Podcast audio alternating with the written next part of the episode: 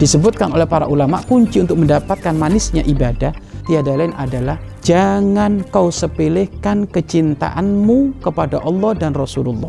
Akan tetapi jadikan kecintaan Allah dan Rasulnya segala-galanya di dalam hatimu melebihi dari kecintaan siapa pun dirimu kepada selain Allah Subhanahu wa taala.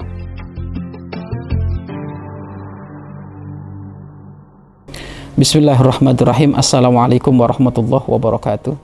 الحمد لله الحمد لله الذي هدانا لهذا وما كنا لنهتدي لولا أن هدانا الله.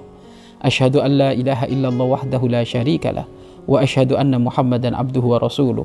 اللهم صل وسلم وبارك على حبيبنا وشفيعنا وقرة